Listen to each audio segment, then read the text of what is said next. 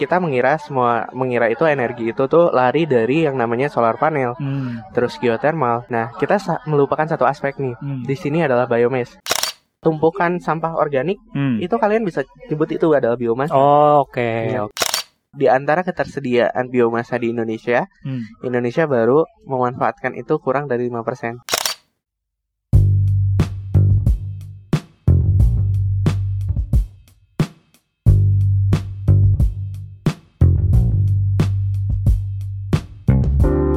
Selamat datang di podcasting episode ke-18. Hai, bagaimana kabar kalian? Semoga baik-baik saja seperti biasanya. Eh, Kali ini aku ada narasumber lagi nih. Ini udah tiga minggu berturut-turut ada narasumber mulu. Nah, kebetulan ini ada eh, teman yang juga founder dari sebuah startup di bidang energi. Nah, mungkin bisa eh, memperkenalkan diri dulu Di sini ada siapa nih di sini? Ah, halo, halo Mas. Kita kita udah jarang berjumpa ya Iya, dan iya. kebetulan sekarang eh, kita dikasih kesempatan nih ke Jakarta. Oh iya, Hmm. halo teman-teman. Ah, sebelumnya perkenalan nih, eh, nama saya Cahaya Pratama. Saya kebetulan dulu ketemu sama Hamas Ah. itu eh, pas eh, KKN ya, Mas ya. Iya. Kalau kita ingat-ingat dulu Kita Kisah kakak kasih. mana? di Garut, Garut, oke baik. Penuh dengan drama, drama. ya drama-drama Drama penghias lah kayak gitu. Ah, Oke oke. cuma ya gimana gimana gimana. Eh, eh, Cai ini eh, panggilannya Cai ya kalau oh iya, iya. ini. oke.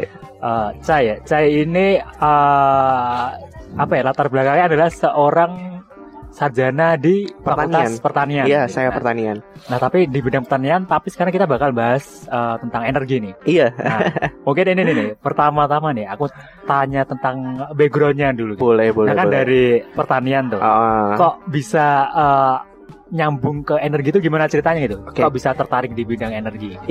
ah, sebetulnya Mas, aku mau sedikit cerita nih Hmm. flashback dulu. Jadi ceritanya waktu SMA aku sangat tertarik banget nih dengan energi terbarukan. Hmm. Karena dulu Dari SMA ya berarti? SMA, Hmm. dari SMA. Jadi karena saya melakukan penelitian tentang energi terbarukan waktu Hmm. SMA. Kalau SMA itu apa berarti? Ah, Eh, kir kir kir. kir kir Oh, kayak oke. gitulah. Cuman dan kebetulan saya menginisiasi ah, pembuatan bioetanol. Hmm. Mungkin Hamas tahu lah etanol dan mungkin teman-teman juga tahu tentang etanol dan dulu sangat famous banget nih etanol Hmm. dari singkong. Oh singkong. Nah, Kalau dulu aku taunya dari sih. Biji Iya. jarak apa ya kalau oh kita? iya, yang Iya, jarak itu biodiesel. Oh, biodiesel, Eh, oke. beda, Beda beda. ya? beda. iya. Oke. Nah, ya. Terus, nah, terus. kalau misalnya ini alkohol ini tuh yang etanol tuh termasuk alkohol fermentasi, saya pakai ganti mediumnya. Jadi kan sebelumnya tuh pakai eh, singkong dan lain Hmm. sebagainya. Saya ganti dengan resource yang ada di sekolah saya sendiri Hmm. dan itu saya sendiri yang emang sama teman-teman hiring hiring beberapa teman buat eh, cari penelitian Hmm. tentang ini dana sendiri dan lain sebagainya hingga akhirnya saya menjadi juara kedua di se ini apa dari yang diselenggarakan oleh Universitas Indonesia Oh, gitu. itu Oh, iya, oke. ceritanya baik. kayak- kayak gitu dan singkat cerita eh, nyari-nyari universitas nih Hmm. mana yang emang cocok dan lain sebagainya saya kebetulan waktu itu tuh nggak ada tentang bioenergi dan Hmm. lain sebagainya bioteknologi atau dan lain sebagainya pas zaman aku tuh Hmm. 2014 dan akhirnya eh, dari situ ternyata ada nih ITB kayak- rekayasa hayati kayaknya mirip-mirip asik nih gitu Oh, Oke. Malah rezekinya bukan ITB Oh.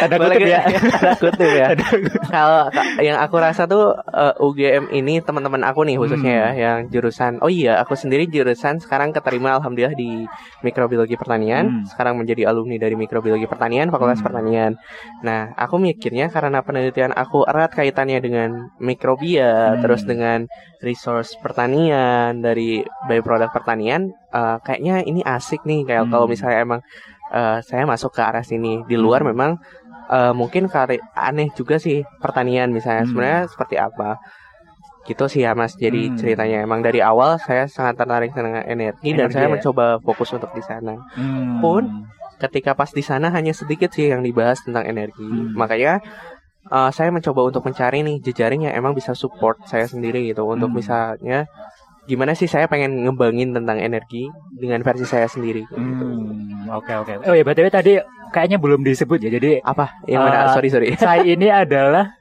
founder dari Eyelash, Eyelash, Eyelash Energy. Iya, Eyelash Iya. Power kebetulan. Ah, Eyelash Power. oh power bukan energi. Ini mirip-mirip.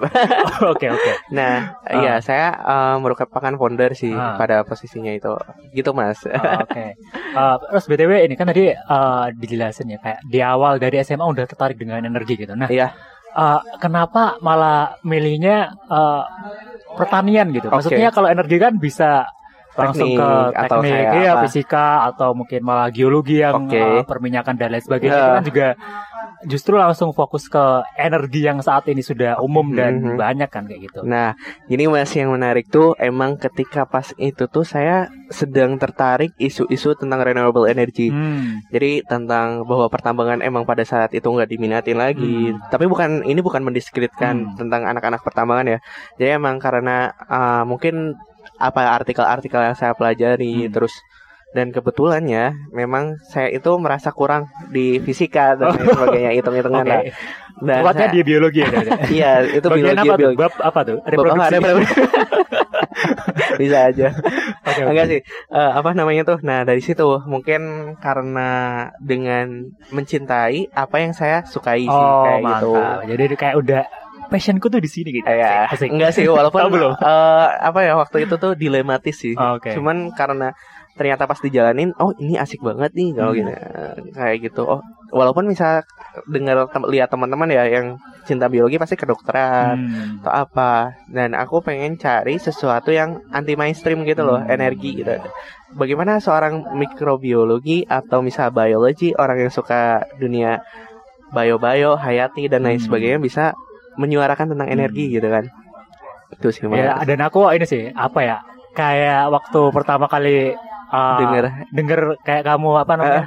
di energi itu kayak wah wah gitu maksudnya ini pertanian ngapain ke energi gitu? Ah, hubungannya gitu. apa gitu Nah, masih masih bingung gitu. ya oke Mm-mm. terus Ah, apa terus lagi ini nih? apa kan eh Cai ini adalah founder dari Oh, Eyelash. founder dari Eyelash tadi itu ya Eyelash eyelash Eyelash. Eyelash. gitu.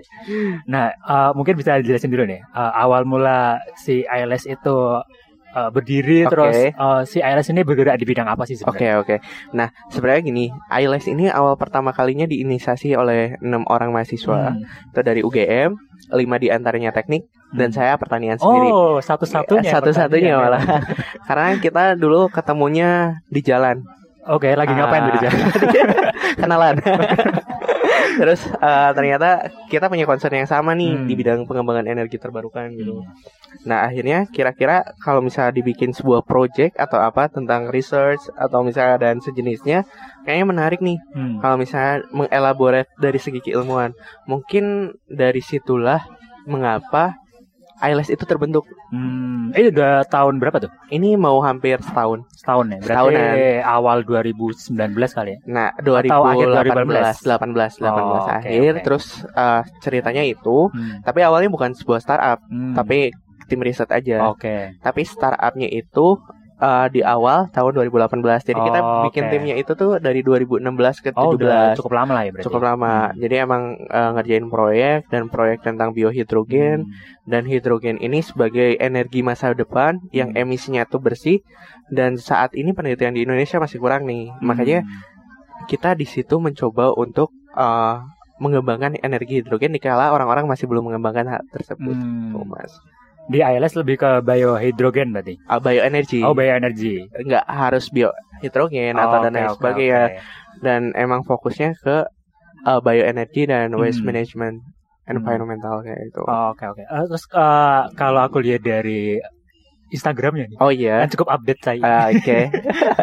Nanti bisa di follow Instagramnya di Iya, @cahaya- Eh cahaya Oh, dot Cahaya Prautama. Ya, itu.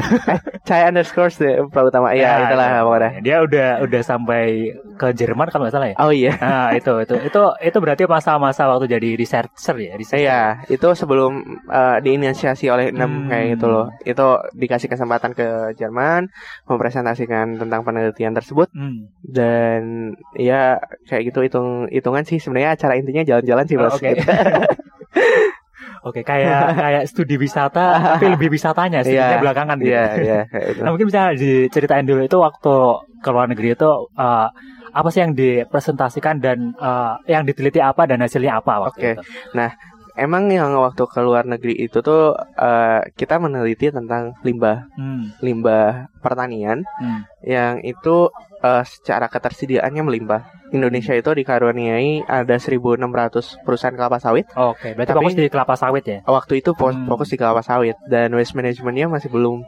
Karena kan sebetulnya kalau misal kita tahu tentang biometan, misal metana atau Hmm. biogas dan lain sebagainya, itu terkesan ramah lingkungan. Hmm. Padahal itu adalah metana itu tuh penyumbang emisi juga sebetulnya tuh. Oh, oke. Eh, metana itu sama dengan yang biogas dari Ah, kotoran. yang dari kotoran ya, Ah, oke. ah.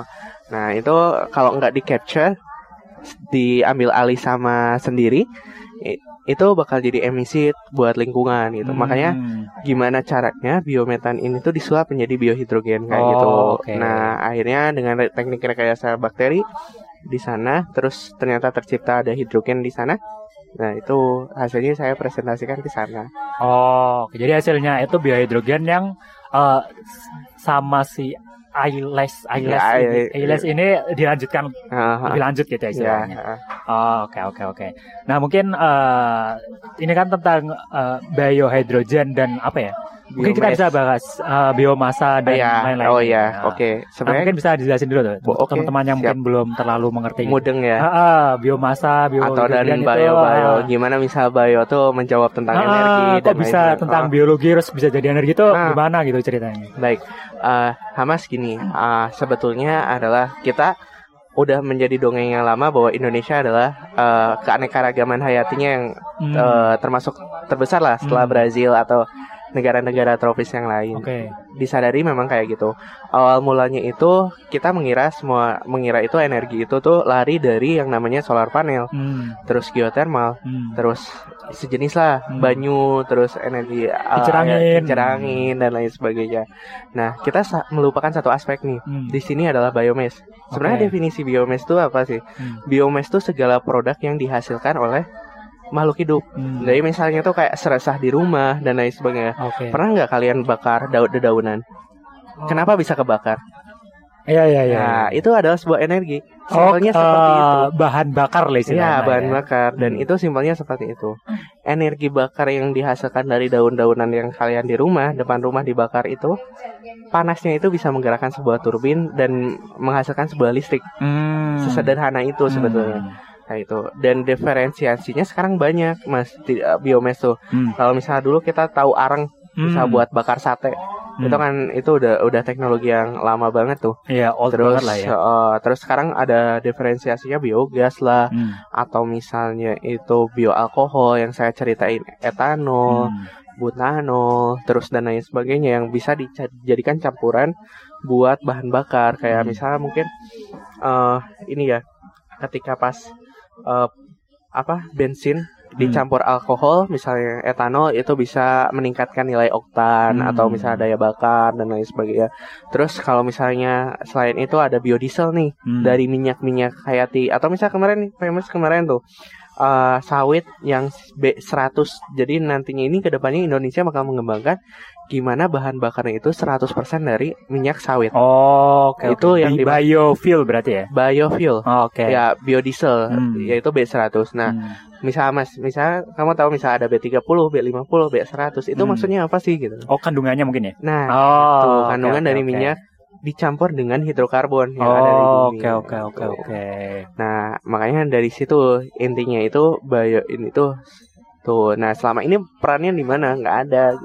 Masih jarang nih gitu kan kayak Hmm. ya mungkin dari teman-teman barangkali nih mau eh, eh, ikut berpartisipasi gimana kita eh, bangun bersama-sama. Hmm. Soalnya konsep dari ILS itu sendiri sebenarnya open kolaborasi. Hmm. Jadi misalnya mau dari mana pun dan lain sebagainya, kita menyadari bahwa keilmuan kita juga nggak sewah atau mungkin teman-teman yang pendengar nih mungkin ada Hmm. yang udah S2, S3 atau punya keilmuan yang lebih Hmm. tapi bingung untuk menyalurkan. Mari kita diskusi. Atau Oh. misalnya teman-teman masih bingung misal saya jurusan bahasa nih gitu. Oke. Tapi saya eh, punya fashion energi atau misalnya tuh Hmm. pengen tahu nih sebenarnya nggak apa-apa. Yuk mungkin nanti jadi penjembatan nih komunikasi gitu Hmm. dengan investor atau Oke lain oke oke. Jadi bukan hanya memikirkan sesempit itu sih ya Mas kayak itu. Ya, dan kalau aku da- tangkap dari tadi berarti eh, biomasa itu istilah kerennya saat ini gitu kan? Iya. Padahal kayak- itu limbah atau ya kayak gitu kayak sejak zaman dulu tuh udah ada misalkan kalau zaman dulu kan pakainya eh, kayu bakar ya. gitu ya. Jadi sebenarnya zaman dulu udah udah pakai biomasa gitu ya. Tapi Biomasa, gitu. mereka belum tahu aja namanya Ah. kali ya. Oh iya, ini juga sih, Mas. Hmm. Ketika memang uh, tumpukan sampah organik Hmm. itu kalian bisa nyebut itu adalah biomasa. Oh, oke, Gitu. oke, oke, oke. Jadi Tumpukan jerami atau apa itu biomasa gitu. jadi kalau misalkan ada orang lagi bakar-bakar, kamu lagi ngapain nih? Ah, bakar lagi biomasa. Bakar biomasa. Lebih keren dikit Ah, gitu. Iya. Ah, oke, oke, oke. Ah, terus ini tadi kan tentang ah, kan energi itu ada energi tidak terbarukan, Oh, misalkan iya. kayak misalkan fo- energi apa ya? Oh, Bahan iya, bakar fosil, iya, iya, terus iya. batu bara dan lain sebagainya. Terus ada ah, energi yang terbarukan misalkan yang biomasa Oh, ini, iya, iya. terus tapi ada satu lagi nih, ada yang ah, kita sebutkan ah, energi ramah lingkungan gitu. Oke. Nah, sebenarnya eh, si biomasa ini termasuk energi ramah lingkungan atau enggak gitu kan? Kalau Ah, misalkan oke. eh, oke dia eh, energi terbarukan gitu, bisa Hmm. bisa terbarukan terus menerus gitu, bisa didaur ulang dan lain sebagainya gitu. Nah, Tapi pertanyaannya apakah si Ra- eh, biomasa ini nih ram- ramah ramah lingkungan, lingkungan gitu? atau enggak Ah, gitu. Oke.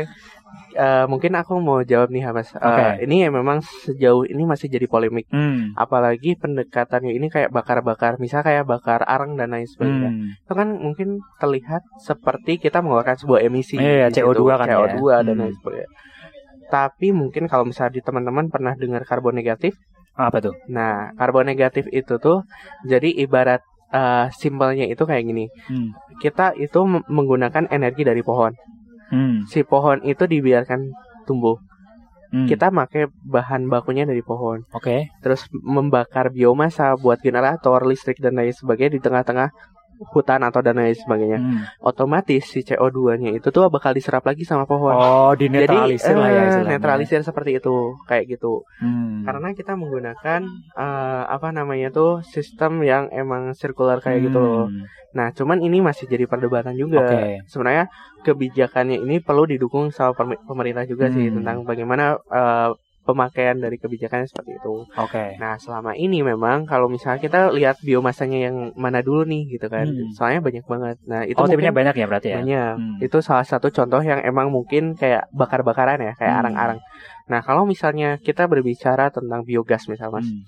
Kamu tahu nggak ketika misalnya ketika kotoran sapi ditampung dalam sebuah fermentor atau Hmm. misal uh, Septic tank lah ya, septic- istilah Iya, gampangnya. kemarin yang hits itu tuh Oh yang iya sampai iya meledak. iya iya iya benar. Nah, itu benar, kan benar. ada kumpulan biogas di Hmm. situ. Dan itu tuh nggak sepenuhnya biogas, bukan biometan gitu maksudnya sepenuhnya. Oh, bukan hanya metan aja berarti. Nggak hanya metan, Oh, ada oke, CO2, ada H2, ada H2S, Hmm. ada N dan lain sebagainya. Nah, biasanya yang nggak dipakai itu menguap begitu aja keluar. Oh. Nah, sekarang itu ada teknologi namanya sintetik gas yang sedang dikembangkan oleh Eyelash. Hmm. Jadi pengennya ini adalah ketika memang pas udah difermentasi misal atau misal dalam sebuah fermentor kita biogas Nah, si gas sisa dari biometannya Hmm. yang udah disaring itu ada CO2 dan lain sebagainya itu disintetik. Oh, oke. Jadi namanya synthetic fuel. Nah, itu sedang Eh, dikembangkan. di itu istilahnya digabungkan gitu atau malah dipisahkan? Ah, itu awal pertama kali dipisahkan dulu sama metan. Oke. Eh, metannya diambil buat kompor dan lain Hmm. sebagainya atau gerak listrik. Lalu sisanya kayak CO2, H2 walaupun dengan intensitas yang sangat sedikit dibuat eh, ini apa sintetik disintetik. Jadi misalnya tuh di sintetiknya CO2 ditambahkan H2 terus Oh, oke pakai oke oke katalisator. oke oke. Gimana nanti keluarnya outputnya energi lagi. Energi lagi ya. Berarti emang emang kayak bersih. cycling gitu Iya, ya. cycling Hmm. gitu. Oke oke oke. Ah tadi kan sempat disebut tentang uh, biomasa itu sendiri ada berbagai macam gitu kan. Misalkan Ah, tadi banyak. uh, misalkan bakar bakar sampah gitu kan Hmm. bisa jadi istilahnya ya itu energi juga gitu. Iya. Nah, tapi uh, untuk yang untuk benar-benar untuk energi kebutuhan sehari-hari, sebenarnya biomasa tuh uh, sumbernya atau bahan bakunya tuh apa aja sih yang bagus gitu istilahnya? Yang bagus yang Ah, apa? Yang apa ya istilahnya yang bisa buat Oh, produk kehidupan. masal lah Oh, istilahnya. masal Ah, sebenarnya. jadi bukan sekedar uh, sampah dibakar doang gitu. Oh iya, oke. Kalau misalnya untuk digunakan uh, masal itu tuh banyak sih mas. Hmm. Kayak contohnya mungkin uh, kita bisa melihat tentang contoh konkret yang sekarang sudah dikembangkan oleh pemerintah mungkin biodiesel, Hmm. biodiesel dari minyak jarak Oh, jarak tadi atau ya. mungkin kemarin dari apa namanya tuh mi- B100 yang sawit itu. Hmm. Itu mungkin adalah salah satu yang udah diindustrialisasi. Hmm.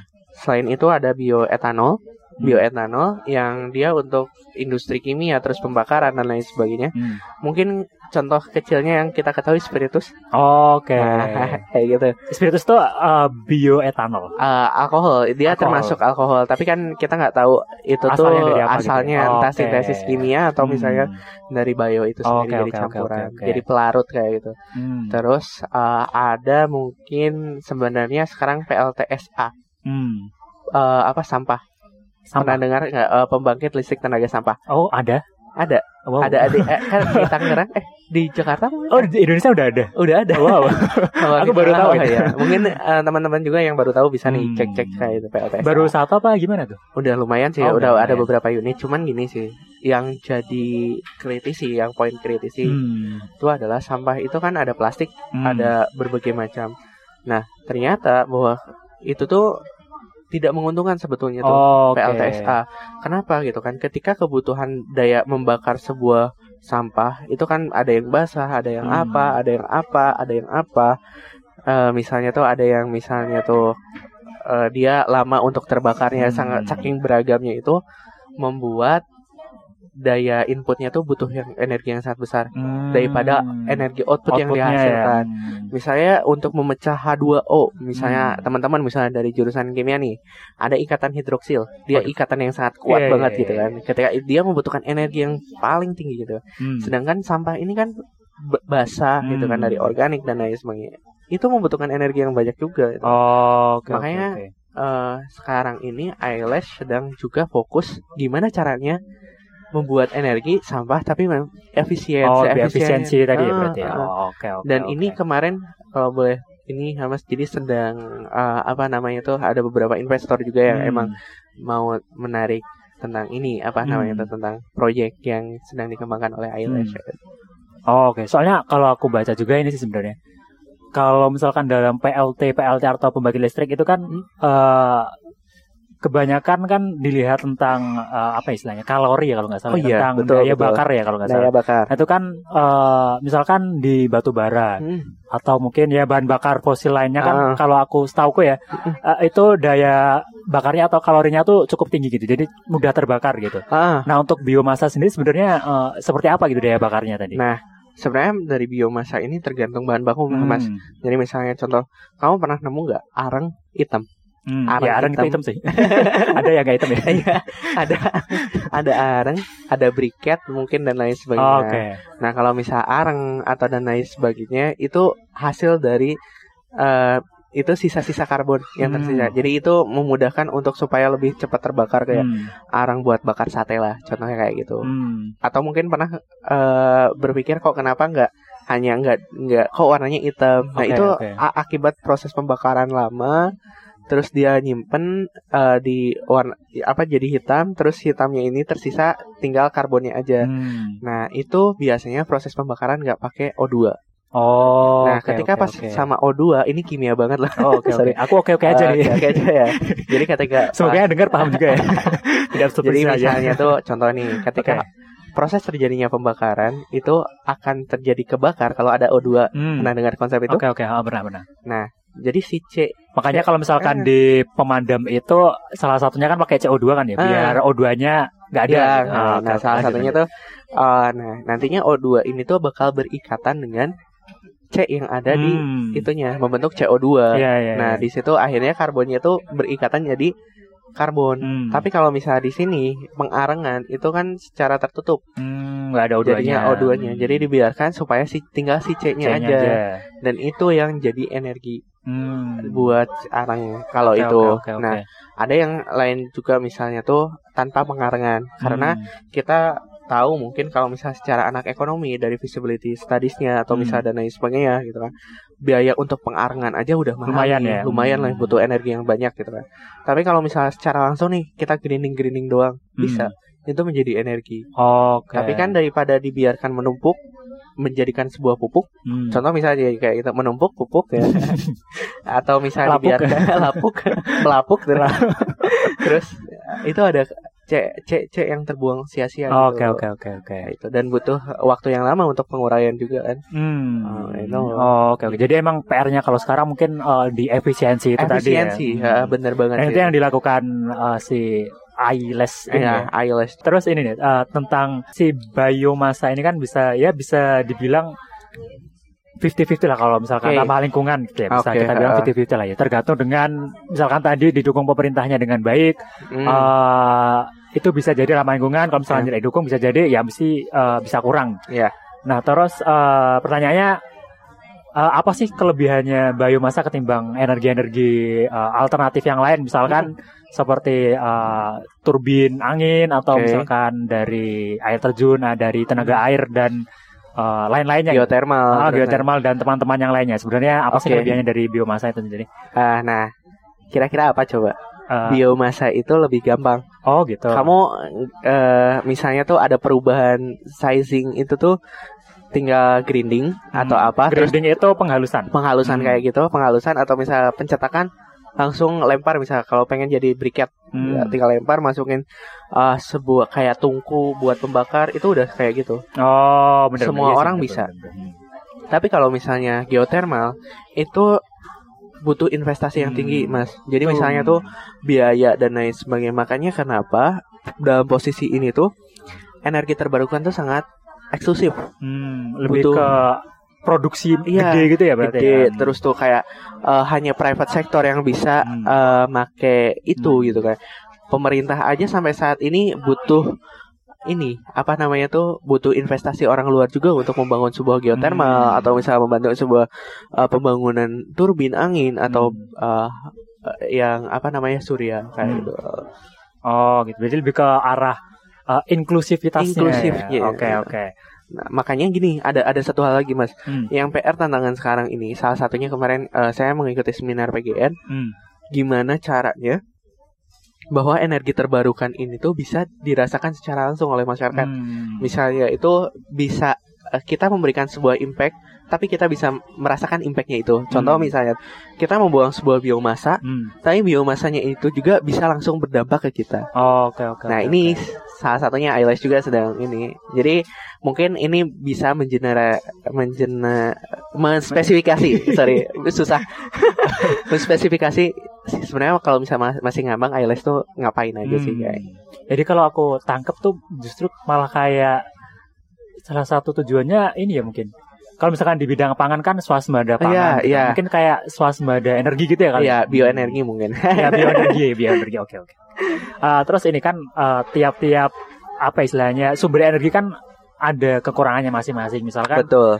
kayak apa ya, energi surya sendiri misalkan itu Iya. kan ya oke itu ramah lingkungan tapi punya Hmm. kekurangan di mana uh, ada keterbatasan di mana itu hanya bisa didapatkan di tempat-tempat tertentu misalkan daerah tropis Iya. dan uh, perlu intensitas sinar Cahaya. tertentu misalkan musim hujan uh, bakal kurang dan lain sebagainya. Nah, Iya. kalau di uh, biomasa sendiri uh, ada nggak sih kekurangan-kekurangannya Ada. sendiri?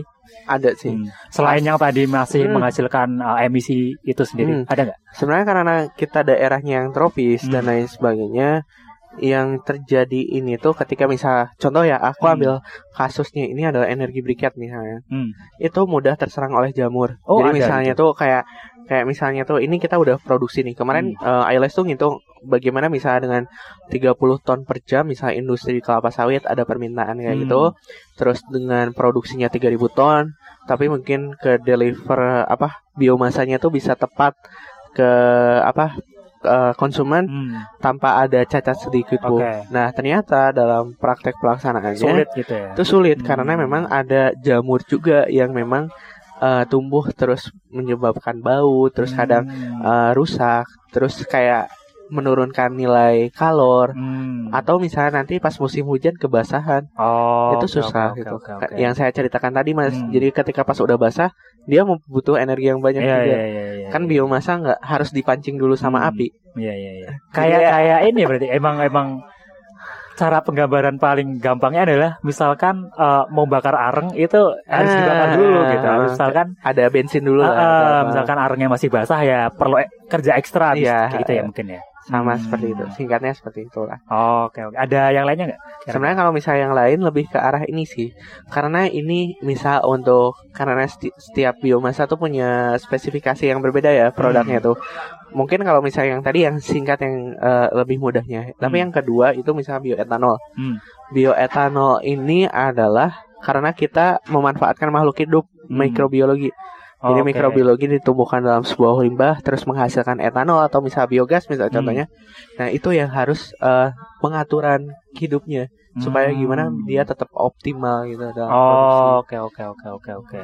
Eh, terus ini nih eh, tadi tentang eh, inklusivitas eh, energi gitu, Iya, atau oke. swasembada energi gitu. Ah, Nah kalau misalkan kalau yang aku tahu ya yang selama ini aku tahu yang bisa itu bisa diinstal di rumah masing-masing adalah eh, sel surya panel surya. Iya. Nah itu tapi eh, kebetulan dosenku itu masang gitu dia Iya. udah swasembada energi di rumahnya. Iya.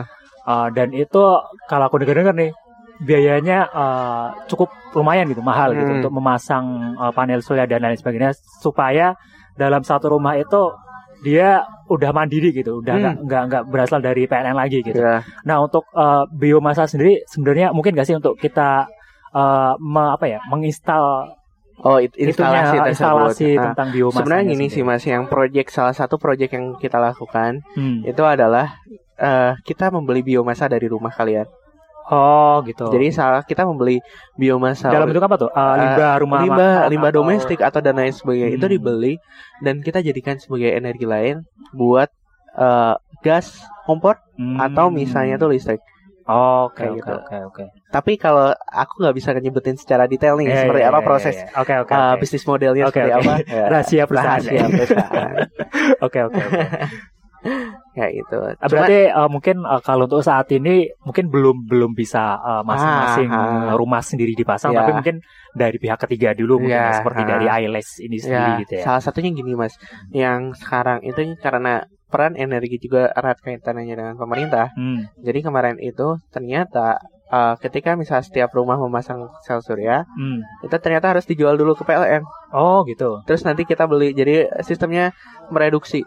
Oh. Karena mungkin pangsa pasarnya gimana memonopoli pasar sih. Waduh, gitu. jahat ya. ya mungkin seperti itu ya. Anda, PLN. mungkin loh. Eh nanti mungkin lah ah. kita. Tapi mungkin baiknya mungkin biar uh, tidak ada kompetisi sih. Jadi Hmm. memang lebih uh, mengatur uh, pasar dari Hmm. energi itu sendiri. Mungkin ya. Oke oke. Kita husnuzon saja seperti itu. Hmm. Soalnya kalau kalau aku bayangin kayak misalkan uh, punya apa ya punya duit terus bisa swasembada energi itu kayaknya Iya. oke banget gitu. Banget, udah banget. udah kayak pecinta lingkungan banget gitu lah. ya. Dari eh, dari dari sel surya terus misalkan nanti udah ada alatnya nanti bisa jadi Ah. biomasa itu kan ya udah ya udah paripurna. eh, udah paripurna udah pecinta lingkungan banget ya istilahnya. Iya. terus mungkin ini nih tadi kan tentang eh, di skala rumah gitu ya, Iya. secara inklusif gitu. Nah kalau kebalikannya secara eh, mass product gitu atau Ah. secara skala besar, Iya. eh, sebenarnya prospeknya sudah seperti apa nih sudah sejauh mana? Soalnya aku eh, Oke. sempat baca juga kayak di Kalimantan Barat sendiri itu eh, udah apa ya udah udah buka satu PLTBN Oh iya, biomasa listrik ya. tenaga biomasa. Ini- dan heeh. itu dari swasta tapi gitu. Oh iya. Nah tapi sebenarnya untuk untuk di Indonesia sendiri eh, udah sejauh apa sih Iya. eh, untuk biomasa ini secara secara massal secara produk nasional itu sudah sejauh Nah, se- sebenarnya gini Mas, yang mirisnya Hmm. di antara ketersediaan biomasa di Indonesia, Hmm. Indonesia baru memanfaatkan itu kurang dari 5%. Oh lima persen, dikit banget berarti. Yang Ya, paling gede apa tuh kalau setahu mau? Kena apanya maksudnya? Eh, Yang- maksudnya paling besar apa ya sumber energi Indonesia berarti dari mana? Batu bara berarti? Atau dari bukan eh, kalau misalnya dari energi terbarukan ya yang lainnya itu kayak Oh. surya dan lain sebagainya. Oh, oke, Tapi oke, biomasa sendiri baru 5%. Oh berarti masih sangat sedikit lah ya. Minim banget dari 48 juta kalau salah megawatt atau Hmm. berapa aku lupa ya datanya. Hmm. Cuman baru seribuan megawatt doang Hmm. dari 48 ribu. Oke, kalau nggak salah itu data yang saya dapatin Hmm. sekitar segitu. Jadi masih banyak potensi yang emang harus dikembangkan Hmm. optimasi. Nah, makanya dari situ bahwa peranan dari setiap elemen bahwa sektor energi itu bukan hanya PR dari anak teknik misalnya itu Hmm. atau misalnya PR dari uh, orang-orang ekonomi atau dan Hmm. lain sebagainya. Semua elemen itu penting ya. Tuh. Untuk saling eh, bahu membahu lah. ya. Iya, iya, iya. Dan kalau aku ini sih berarti apa ya? Tadi baru 5% gitu ya, dari keseluruhan eh, energi kita gitu. Padahal apa ya mirisnya Indonesia kan ya negara yang Hmm, penghasil ini gak sih berarti penghasil sampah bio cukup banyak gak sih berarti sebenarnya kenapa? Eh, penghasil apa istilahnya bio ya, sampah, iya, bio, sampah, ah, bio, bio, dan lain bio. sebagainya cukup banyak kan Ah, berarti? banyak banget itu Hmm, tuh kayak berarti- misalnya contoh sebenarnya potensinya berarti masih gede banget ya kalau misalkan bisa banget, dimanfaatkan banget itu bisa dengan maksimal gitu Ah, lah ya. ah. eh, salah satunya ini aku punya cerita nih mas. Hmm. Ah, kebetulan waktu pulang dari Bangkok itu saya ketemu sama orang eh, ibu-ibu Hmm. Dia pakai bahasa apa tuh? bahasa Melayu. Oh, kirain pakai kap. Sorry kap. Jadi kebetulan dia orang Singapura Oke, oke. dan oke. kerjanya di bursa efek Singapura. Hmm. Ketika pas tanya "Ah, kamu dari mana? Kirain orang Malaysia ke Hmm. aku tuh. Oh ternyata orang Indonesia. Kita bincang-bincang dan lain sebagainya. Ada satu hal yang menarik dari ibunya tuh yang bilang kayak gini. Indonesia tuh masih luas loh potensinya tuh. Hmm. Mungkin sekarang posisi pada posisi ini Singapura ini punya ekonomi misalnya tuh eh, eh, pendapatan per kapitanya lebih tinggi gitu kan. Hmm. Tapi kalau misalnya Indonesia tuh mungkin beberapa puluh tahun lagi masih bisa dikembangkan. Hmm. Tapi kalau Singapura mentok di situ. Gitu-gitu aja lah ya. Gitu-gitu aja Hmm. dan memang perkembangan ekonominya itu ditentukan dengan perdagangan internasional Hmm. juga gitu. Makanya kemarin sempat kayak misalkan uh, waktu Pas krisis perang dagang uh, itu dia itu langsung banget kena gitu. banget itu Singapura Ya, lah ya. Kayak iya, gitu ya. makanya dari kayak itu. Hmm. Makanya kita harus bersyukur nih Hmm. banyak harus yang digali lagi. Hmm. Di tengah-tengah mungkin gini, uh, ketika memang startup banyak orang yang fokusnya ke digital. Hmm. Tapi ada sektor perkebunan atau misalnya Hmm. sektor pertanian yang memang Pertanian. belum terjamah gitu. Itu uh, potensialnya banget. Hmm. Jadi para ideator atau misalnya yang ingin bergabung kolaborasi Hmm.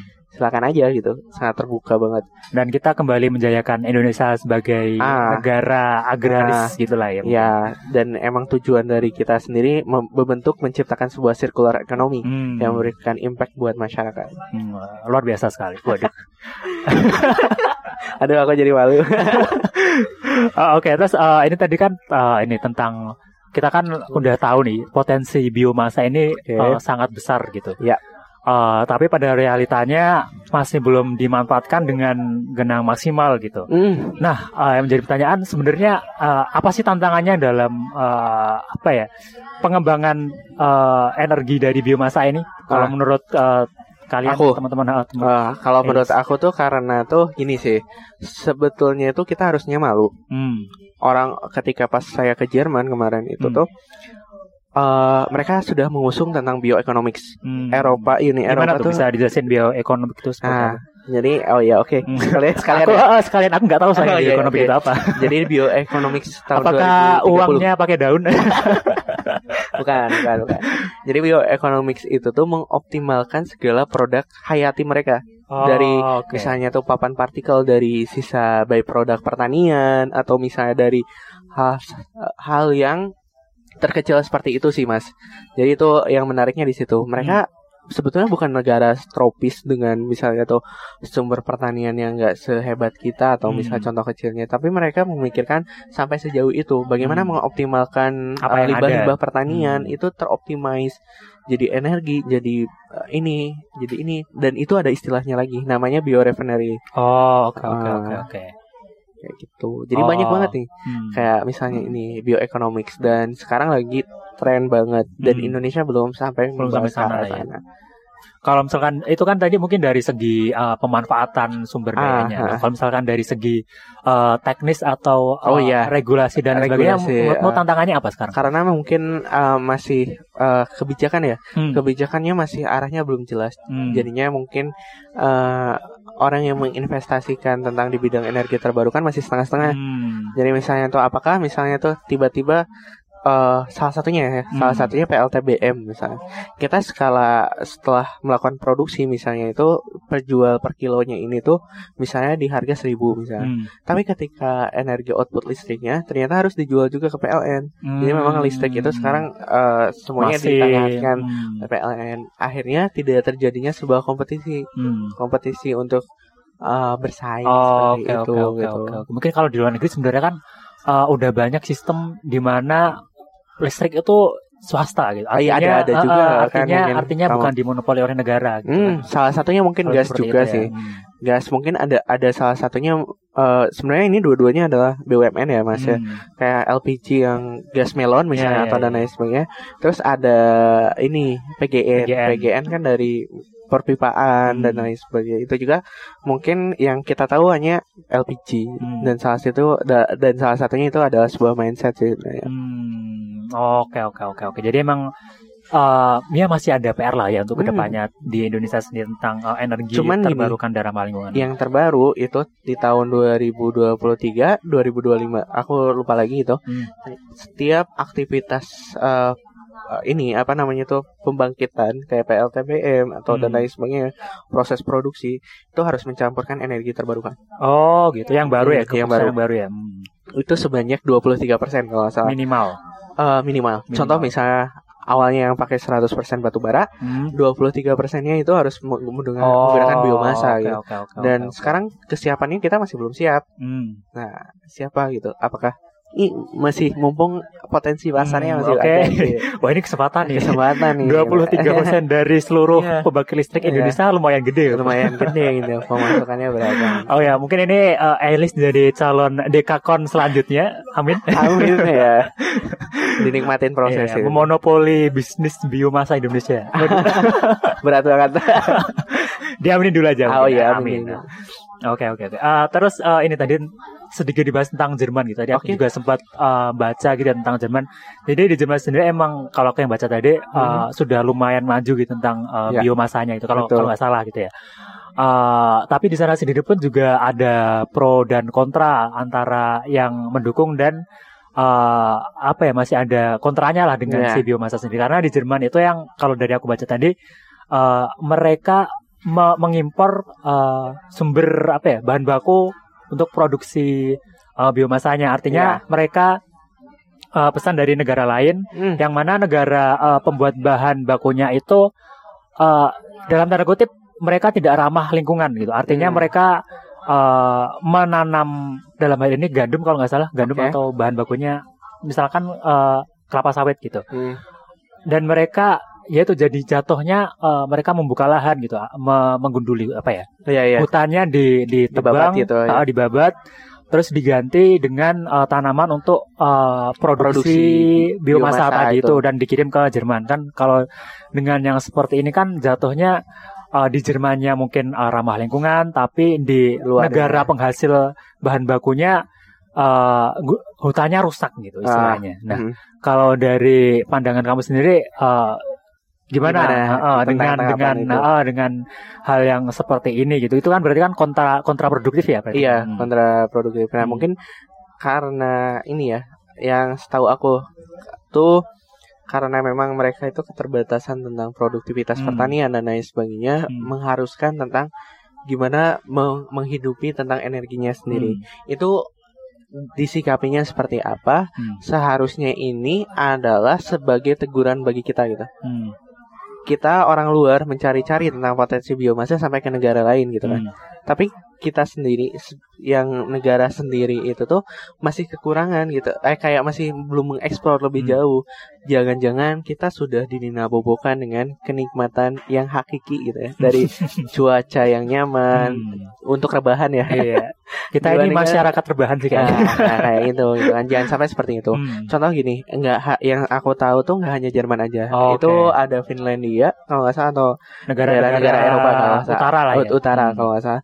Itu mereka mengimpor sampah juga. Hmm. mengimpor sampah buat menghasil gara-gara saking bersihnya sampah dan mereka butuh energi input oke, buat oke, pergerakan apa namanya listrik dan lain Hmm. sebagainya seperti itu. Hmm. Nah, salah satunya sebetulnya bukan salah eh, yang menyalahkan kita nggak bisa patut menyalahkan Hmm. dalam posisi ini karena eh, karena ekonomi dan Hmm. politik itu bersifat dinamis. Hmm. Mungkin ad- ada hubungan bilateral antara Jerman dengan Negara. negara, Hmm. tersebut atau misalnya impact yang dihasilkan Jerman ya bisa merusak eh, lingkungan, tapi Hmm. ternyata dia ada mungkin proyek re- penelitian gimana Hmm. untuk penyuburan prakteknya Hmm. kita nggak tahu kan di belakangnya seperti Oh, apa. oke oke oke. Cuman jadikan pesan tersebut itu sebagai teguran bagi kita. Orang-orang sangat susah payah untuk mencari sumber daya biomasa, Hmm. tapi kita sendiri malah eh, lupa tentang Hmm. ketersediaan biomasa kita sendiri. Hmm. Nah, maksud aku uh, tanya ini sebenarnya ini sih. Hmm. Uh, sebuah ketakutan ketika mungkin kita tahu ya misalkan kemarin Oh. ada apa namanya uh, seksi killer gitu Oh, iya. tentang batu bara dan lain sebagainya. Nah, uh, sebenarnya yang sebagai apa ya? Dari aku sendiri tuh uh, punya apa ya, ketakutan sendiri ketika uh, oke okay, biomasa menjadi energi terbarukan dan okay. mungkin bisa jadi ramah lingkungan. Tapi misalkan tadi uh, ini ya pemerintah udah mencanangkan tentang uh, bio bio solar yang menggunakan 100% dari uh, kelapa sawit. Hmm. Itu kan berarti uh, secara oh, langsung okay. kan uh, mengundang investor untuk membuka lahan sawit hmm. dan ya seperti kita tahu dari tahun ke tahun itu kebakaran hutan dan lain sebagainya gitu okay. kan. Nah, kalau dari uh, Ailes sendiri uh, sebenarnya harapannya dan uh, pertanggapannya seperti apa sih harapan ke depannya gitu untuk energi biomasa itu sendiri sebenarnya? Oh apa? iya, sebenarnya tuh dari posisinya ya, hmm. uh, itu sebenarnya uh, aku nggak tahu nih karena kalau misalnya kak teman-teman baca hmm. tentang politik sawit hmm. itu sangat dalam banget. Oh. Jadi eh, dalam uh, dan kompleks atau kompleks hmm. juga yang perannya ini dari misalnya tuh. Nah kebetulan di tim ILS ini ada yang namanya tim social impact analysis. Hmm. Jadi sebelum kita melakukan sebuah proyek biomasa atau hmm. misal proyek energi baru itu ada aspek sosial dulu yang dilihat. Hmm. Nah karena sawit ini menjadi Indonesia salah satu jadi raksasa, hmm. bisa aja ini jadi monopoli pasar. Hmm. Misalnya black campaign atau dan lain sebagainya di tengah, misalnya tuh mereka yang negara luar mempunyai uh, minyak canola, hmm. minyak biji matahari dan lain sebagainya. Uh, dalam posisi ini kita juga harus menanggapi dengan berpikiran jernih. Hmm.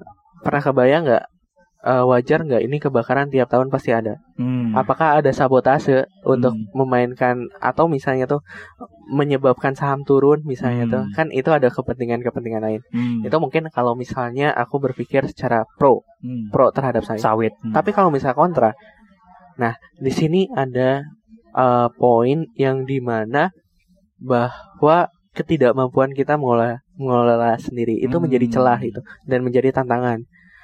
Nah, jangan salah gitu bahwa sawit ini telah menyumbangkan devisa terbesar juga salah satu terbesar hmm. sampai Kementerian Keuangan ini tuh bikin badan pengelolaan keuangan kelapa sawit khusus, untuk sawit kelapa ya. sawit gitu kan. Saking gedenya Saking pemasukan ya. Pemasukan kayak gitu. Nah, lalu apakah memang kita hanya menyuarakan tanpa oh ini uh, anti lingkungan nih, anti lingkungan, hmm. anti lingkungan, tapi ini tidak kebakaran hutan nih. Kebakaran hmm. hutan, tapi dari kita sendiri nggak ada solusi hmm. dan hanya menyalahkan korporat hmm. ya kalau kayak gitu hanya bulat aja gitu hmm. kayak gitu jadi nggak ada tahun kita ah, hanya mengkambing hitamkan sawit ah, kita istilahnya hitamkan sawit hmm. nah mungkin dalam posisi ini Hamas mungkin dan teman-teman semua yuk gitu dari uh, awal kita gimana cari salah satu solusi keluarnya jalan hmm. keluarnya gimana memang bahwa kita butuh di sisi lain butuh devisa nih pemasukan hmm. juga itu tapi di sisi lain apakah emang ini adalah sebuah black campaign hmm. buat kita sendiri atau misalnya ketidakmampuan kita untuk mengatasi itu hmm. semua sih. Karena Indonesia itu tanggung jawab bersama bukan tanggung jawab pemerintah satu orang. Oh, ya, siap. Ya, itu ya. tetap di Mario Teguh. Seperti Oke, oke, oke. Dan kalau aku tangkapnya juga mungkin uh, apa ya istilahnya ya efisiensi tadi juga ya. Misalkan uh, oke okay, kita punya kebun kelapa sawit yang banyak. Gitu kan. Artinya uh, mungkin limbahnya juga banyak dan mungkin belum dimanfaatkan secara optimal. Gitu. Betul. mungkin betul banget. Uh, yang menjadi apa ya?